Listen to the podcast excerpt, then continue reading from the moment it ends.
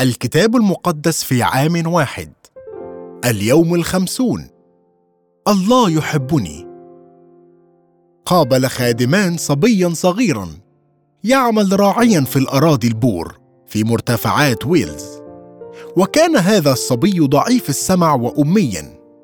فشرح له أن يسوع أراد أن يكون راعيه ويعتني به دائما مثلما يعتني هو بخرافه. وعلماه أن يكرر الكلمات التي تقول الرب راعي مستخدما أصابع وإبهام يده اليمنى لتساعده على التذكر مبتدئا بإبهامه ثم إصبعا لكل كلمة وعلماه أن يتوقف عند الكلمة الثانية راعي ويتذكر أن المقصود به في هذا المزمور هو أنا. بعدها بعدة سنوات كان أحدهما يمر من خلال نفس القرية وسأل عن الراعي الصبي. كان في الشتاء السابق عواصف رهيبة ومات الصبي على التلال. ودفن في الثلوج التي كدستها الرياح. وقال القروي الذي روى القصة لكن هناك أمر واحد لم نفهمه.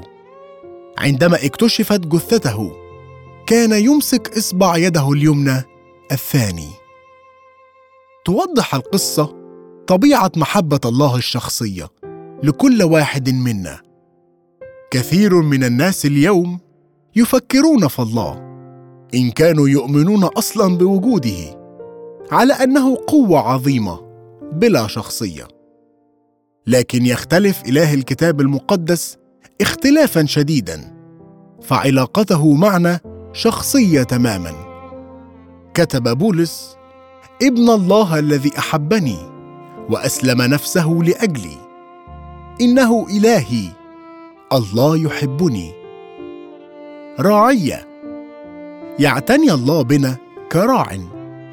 هناك أوقات شعرت فيها أنني مستنزف روحيا. أحب حقيقة أنه يرد نفسي. كتبت في مرات كثيرة مواقف احتجت فيها للإرشاد.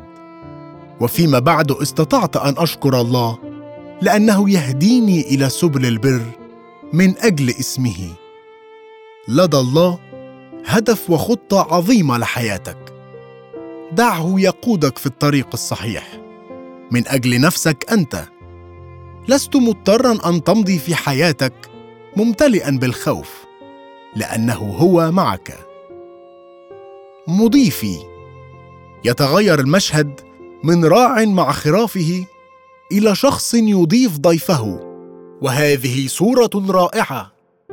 عن كيف يبدو الوضع حين أكون وحدي مع الله وسط كل متاعب وصراعات الحياة. ترتب قدامي مائدة تجاه مضايقيه إنه يشبع الجوع الموجود في نفسك بوليمة اقبل دعوته واقض وقتا كل يوم تطعم فيه نفسك في محضره. كل منا في مرحلة ما سوف نسير في وادي ظل الموت. مواجهين إما موتنا أو موت شخص نحبه. حتى في ذلك الوقت لسنا بحاجة لأن نخاف لأن الرب معنا. كثيرا ما قرأت هذا المزمور لأناس كانوا مرضى بشدة أو يحتضرون. إنها تعزية كبيرة جدا. أن نعرف أن الرب قريب منا في كل الأوقات. إنما خير ورحمة يتبعانني كل أيام حياتي وأسكن في بيت الرب إلى مدى الأيام.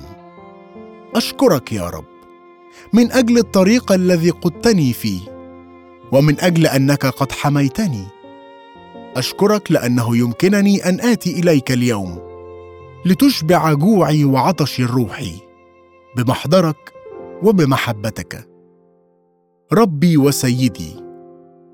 هل جزت يوما في موقف بدت فيه حياتك فجأة وبدون سابق إنذار وقد ضربتها عاصفة تشبه الإعصار؟ اشتهر بحر الجليل بالعواصف المباغتة. عرف التلاميذ أن امواجا بهذا الحجم يمكنها أن تقلب قاربهم وتقتلهم. لكن كان يسوع نائما. أحيانا عندما تأتي العواصف يبدو أن الله لا يفعل أي شيء. لا يبدو مستجيبا لصلواتنا أو حتى يسمعنا. في أوقات كهذه يكون إيمانك قيد الامتحان. أخيرا يهدئ يسوع العاصفة ويخاطب القوة الكامنة وراء العواصف بكلمات قد يستخدمها المرء مع كلبه الأليف. اسكت ابكم. مبينا أنه رب الخليقة. بالنسبة للتلاميذ بدأت الفقره بالخوف وانتهت بالإيمان. تمتحن الأزمة إيمانك. يريدك يسوع أن تتعلم أن تهزم مخاوفك. وأن تثق فيه حتى وسط عواصف الحياة. بعد هذا يبرهن يسوع أنه إله حتى على القوى التي تحاول أن تدمر حياتك. بطريقة ما انتهى المطاف بهذا الرجل الذي تملكته الأرواح الشريرة والمسماه باللاجئون في مكان جهنمي مؤذيا نفسه ومقيدا بسلاسل من قبل المجتمع. والذي كان رد فعلهما الوحيد هو أن يقيدوه. كان هذا كل ما بمقدورهم أن يفعلوه. قوة السياسيين والحكومة والشرطة محدودة. لم يحاكم يسوع الرجل أو يدينه بل رأى إمكانيته الكامنة في أن يعيش حياة كاملة. فأعطى يسوع امرا ذا سلطان. وبرهن على ربوبيته وقوته على أن يحررنا وأيضا يشفينا. كان هناك ردي فعل مختلفين من الناس على ربوبية يسوع. كان الأول عدائيا فقد تضررت المصالح التجارية. ربما يكون الأمر غير المريح تماما عندما نرى القوة الحقيقية تعمل. ومن ناحية أخرى كان البعض مهتما. أحد الأوجه الرائعة في هذه القصة هو أنه بعدما شفى يسوع الرجل الذي كانت به أرواح شريرة وحرره ترجاه الرجل ليذهب معه ولكن لم يدعه يسوع. كنت أظن أن هذا الرجل كان سيحقق منفعة كبيرة لو أنه نال بعض المتابعة من يسوع. لكن جعله يسوع ينخرط في التبشير فورا. ويقول اذهب إلى بيتك وإلى أهلك وأخبرهم كم صنع الرب بك ورحمك. وهذا هو ما فعله بالضبط. لا تبالغ في حماية الناس الذين أتوا للإيمان حديثا. من الجيد أحيانا أن تجعلهم يتكلمون علانية عن إيمانهم الجديد فورا. في المرة التالية التي أتى فيها يسوع إلى المدن العشر أتى أربعة آلاف شخص ليسمعوه. يبدو أن شهادة هذا الرجل كان لها تأثير عظيم. ربما هذا هو سبب وضع مرقس هذه القصة بعد مثل حبة الخردل بوقت قليل. ربما شعر الرجل أن لديه القليل ليقدمه لكن حياته كان لها تأثير ضخم. يقول يسوع أن الله يقدر أن يعمل الكثير بحبة صغيرة جدا. حبة الخردل. متى زرعت؟ تطلع وتصير أكبر. ليست المشكلة في كم تملك بل ماذا تفعل بالذي تملكه. تحتاج حبة الخردل لأن تزرع في الأرض اولا وإلا خسرناها. وإن زرعت يكون النمو قويا جدا لدرجة إنها تخترق الخرسانة. والدرس بسيط. استخدمها وإلا خسرتها. استخدم ما لديك والله سيضاعفه مرات ومرات. أشكرك لأنك السيد على كل شيء.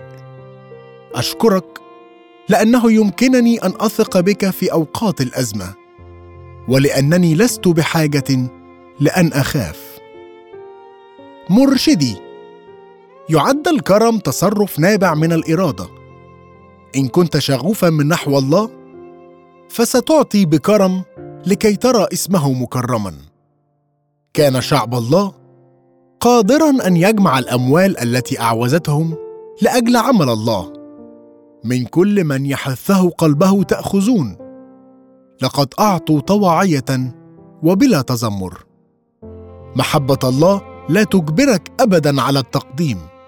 فهو يريدك أن تتجاوب بحريتك ومن كل قلبك.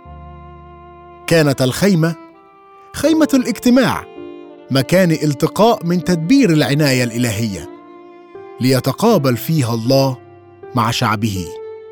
من الناحية اللاهوتية تعد الخيمة بصفتها محل سكن الله على الأرض ذات أهمية قصوى إنها الأولى ضمن سلسلة من أماكن سكن الله.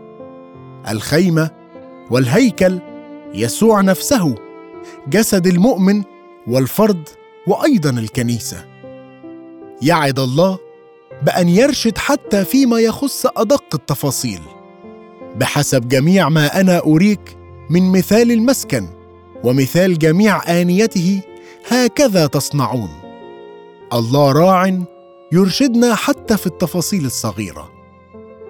مخلصي يشرح كاتب العبرانيين أن القدس الموصوف هنا هو نسخة وظل للقدس الموجود في السماء.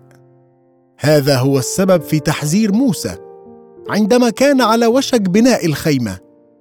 انظر أن تصنع كل شيء حسب المثال الذي أظهر لك في الجبل. كل هذه التعليمات بخصوص القدس وقدس الأقداس كانت إعدادا لعمل المسيح المخلص. وأما المسيح وهو قد جاء رئيس كهنة للخيرات العتيدة فبالمسكن الأعظم والأكمل غير المصنوع بيد أي الذي ليس من هذه الخليقة وليس بدم تيوس وعجول بل بدم نفسه. دخل مرة واحدة إلى الأقداس فوجد فداء ابديا. من خلال ذبيحة يسوع الكفارية. صار لديك ولدي إمكانية الدخول إلى قدس الأقداس. فيسوع هو مخلصي. أشكرك يا رب لأنك راعي ومضيفي وربي ومرشدي ومخلصي. أشكرك لأنك تحبني. تبدو عواصف الحياة أنها تأتي من حيث لا ندري عندما تكون الأمور سائرة بانسيابية تامه من السهل أن يلقى الإيمان بعيدا في هذه اللحظة. لكن التلاميذ فعلوا الأمر الصحيح. لقد ذهبوا إلى يسوع.